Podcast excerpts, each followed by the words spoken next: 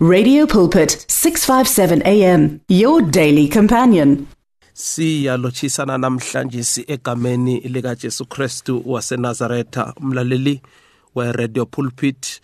Emoyeni olotshisa umfundisi ubongani Ivan wakwantuli eh siyathokoza ukuthi namhlanje sike sikuthole ubeke indlebe eh kuphi kuphi nakuphi lapha usilalelela khona siyathokoza kakhulu umlaleli we-radio pulpit. eh umusa uzimu asiphe wona eh ngaso sonke isikhathi ukuthi ke sibe khona eh simthandaze simbabaze imihla namalanga. Namhlanje siyathokoza kakhulu mlaleli we-radio pulpit your daily companion.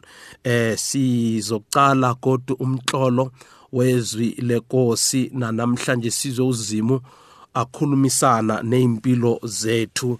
Eh mlaleli we-radio pulpit nguye umfundisi bongani Ivan wakwanduli uvela endaweni yasemachining ibandla esikilo yi-anointed gospel church. Siyathokoza kakhulu eh mlaleli we-radio pulpit. Namhlanje sisizokufunda izwi lenkosi encwadini eh yama kuGenesis uGenesis sisencwadini kaGenesis eh uGenesis incwadi yokuthoma nje eBhayibhelini.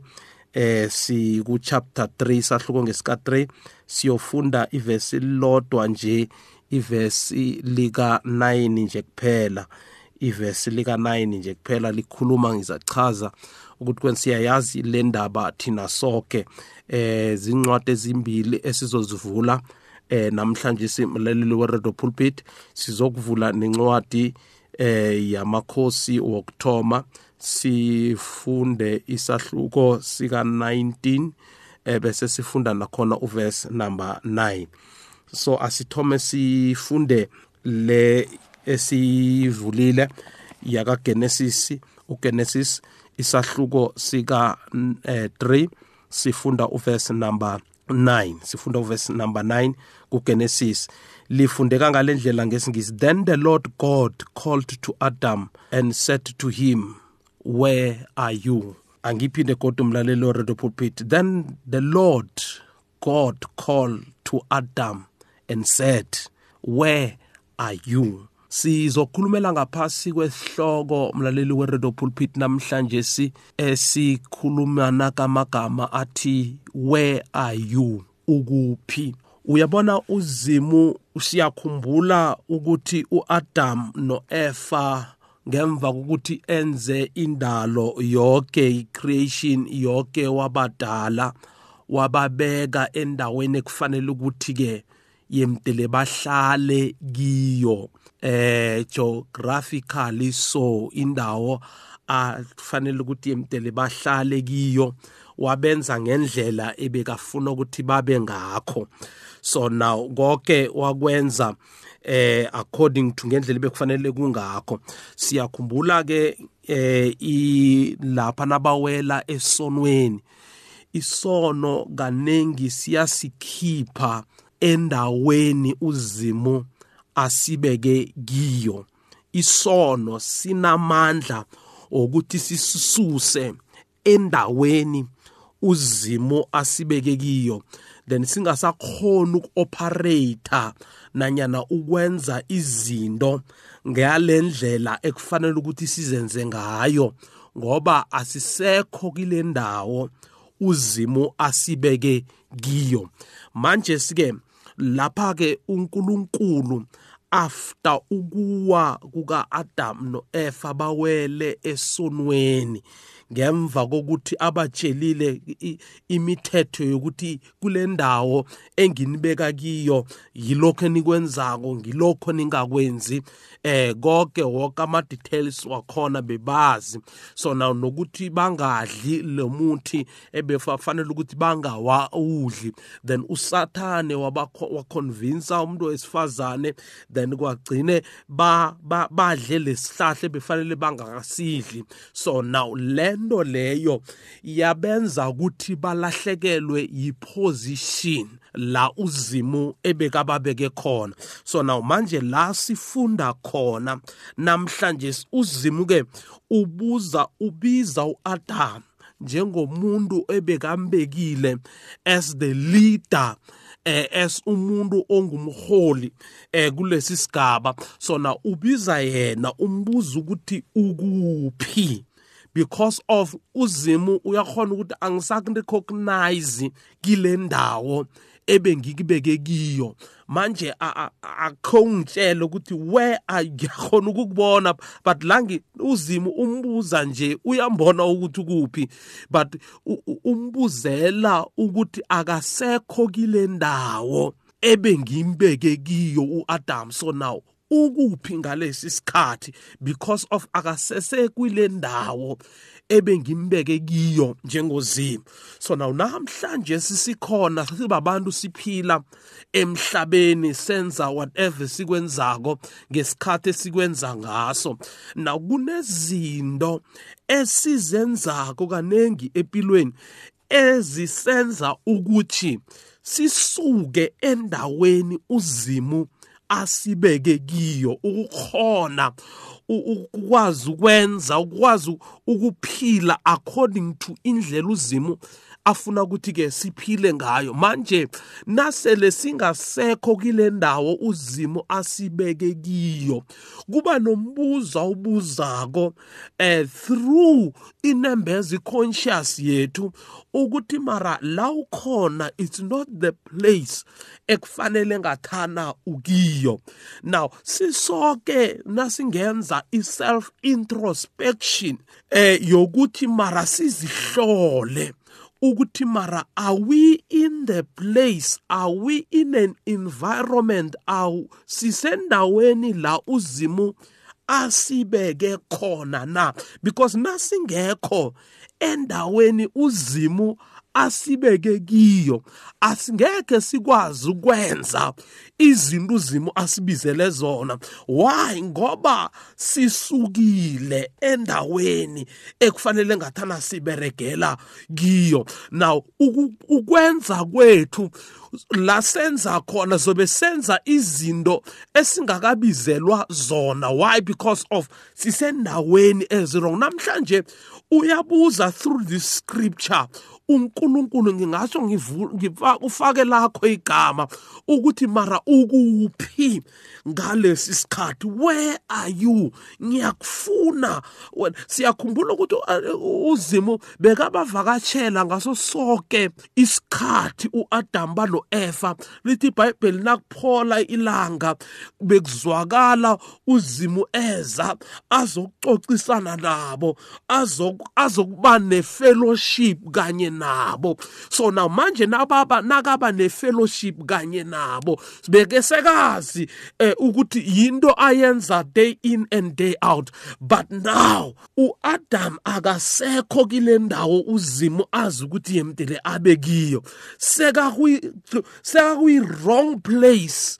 So uzima akasakhona ukum accessa kuhle because of indawo akiyo.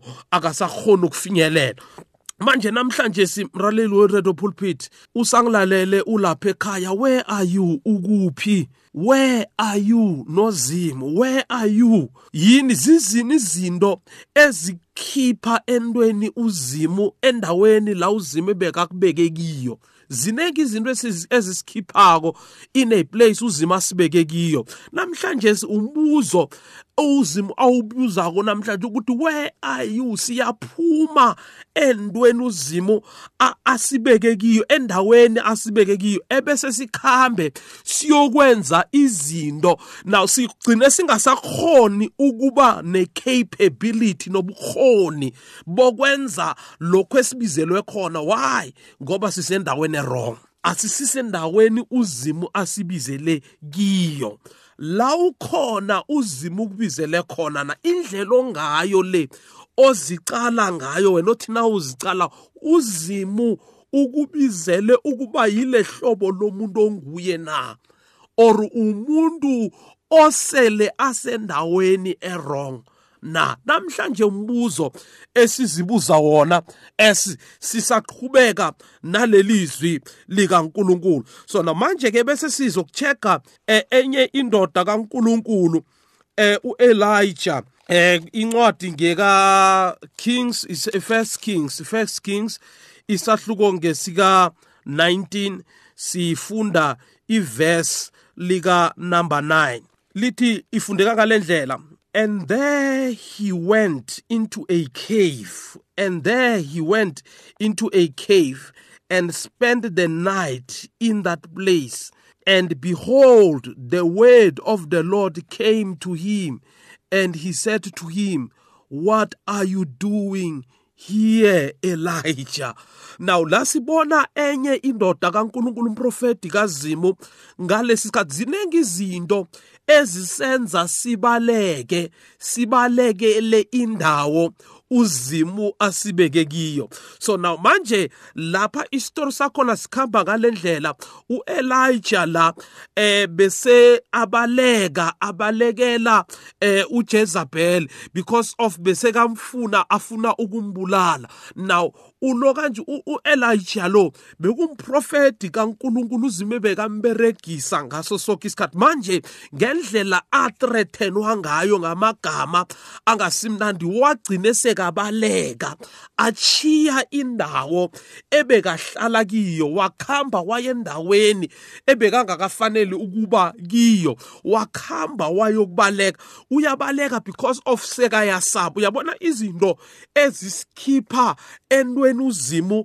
ayibeke ngaphakathi kwethu nanyana entweni izimu ebekafuna ukuthi sibe ngiyo empilweni. Sigcine sibaleka sibalekele endaweni la uzimo ebekangakafuni ukuthi sibe khona. So now manje uyabaleka uElijah uyabaleka because of sekathukiwe sekasaba ukuthi uzokubulawa.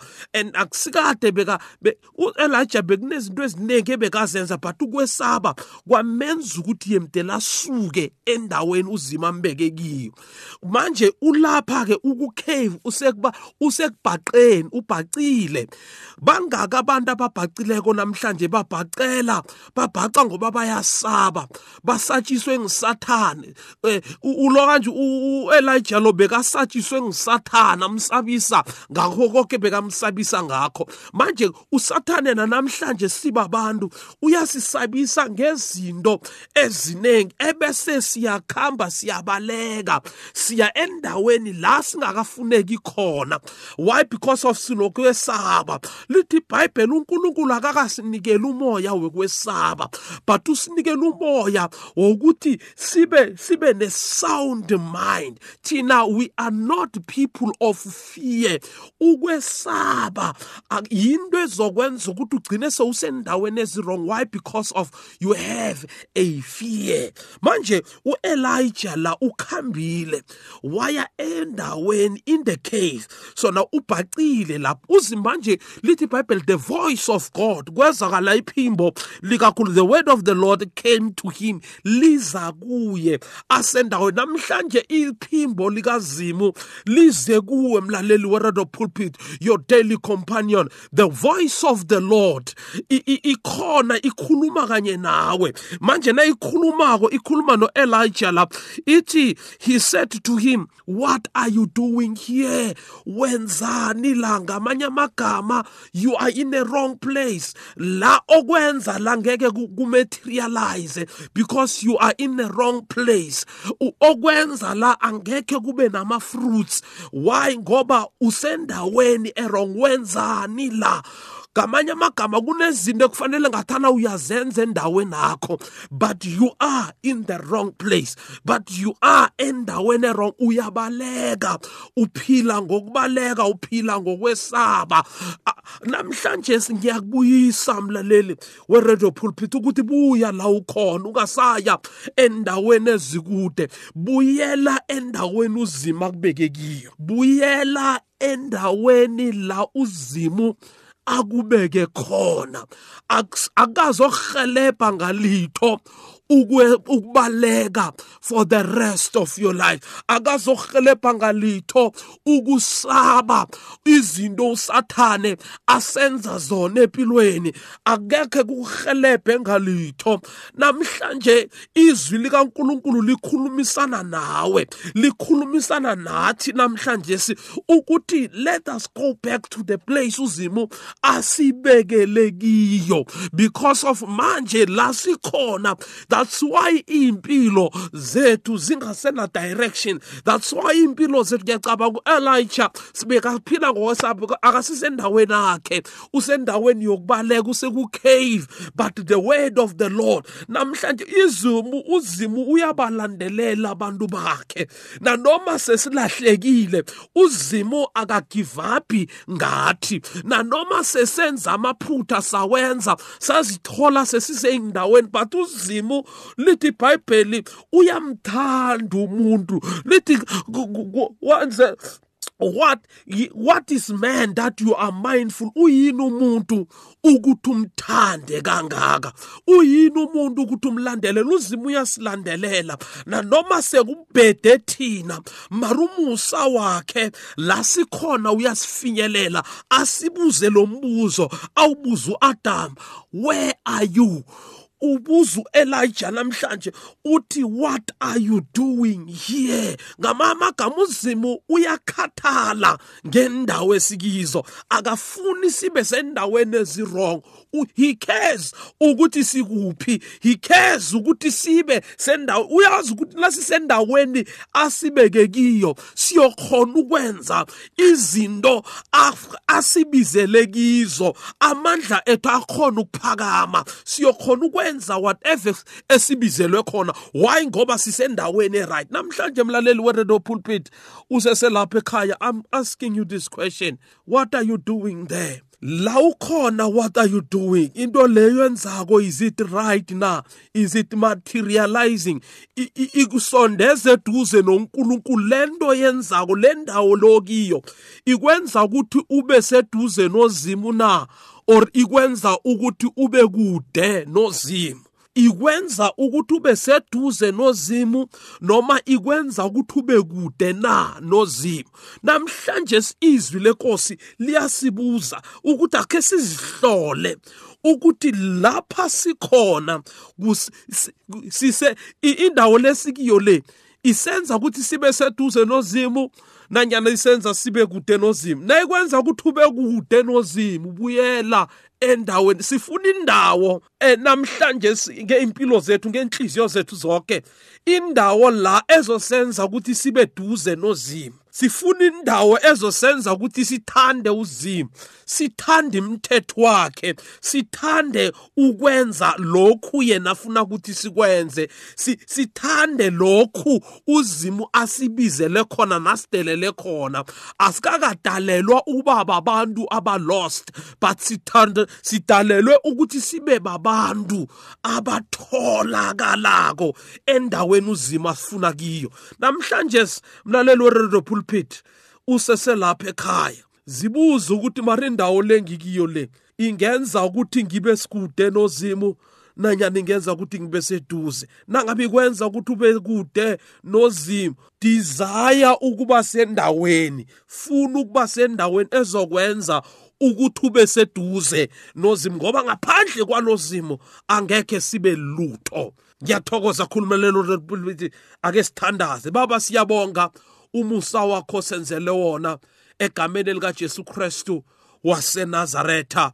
uNkulunkulu onamandla onke nangumlaleli obekangilalele namhlanje ngiyamthandazela umusa kazimu awumbathe la akhona. Zima namandla onke esikhulumile ngezwi lakho eh lisiconvicta namhlanje. Ke bese wenza umusa uNkulunkulu onamandla onke asaphakamisa izandla umamkele egameni lika Jesu la baba wethu onamandla onke aphakamisa izandla igazi lika Jesu lihlanze kokhu kona ebekumenza ukuthi abe kude nawe. Namhlanje Lord God Almighty Heavenly Father uJesu oyinkosi nomsindisi akangena buse ahlale kanye naye kikho konke. Ngegama elihle lomfelo wethu uJesu Kristu uNkulunkulu wethu ozophila buse ingunaphakade naphakade. Kade siyathokoza kakhulu mlalelo weredio pulpit inomboro zami nangidingako 076 027 0799 076 027 0799 siyathokoza The words of the Lord are words of life.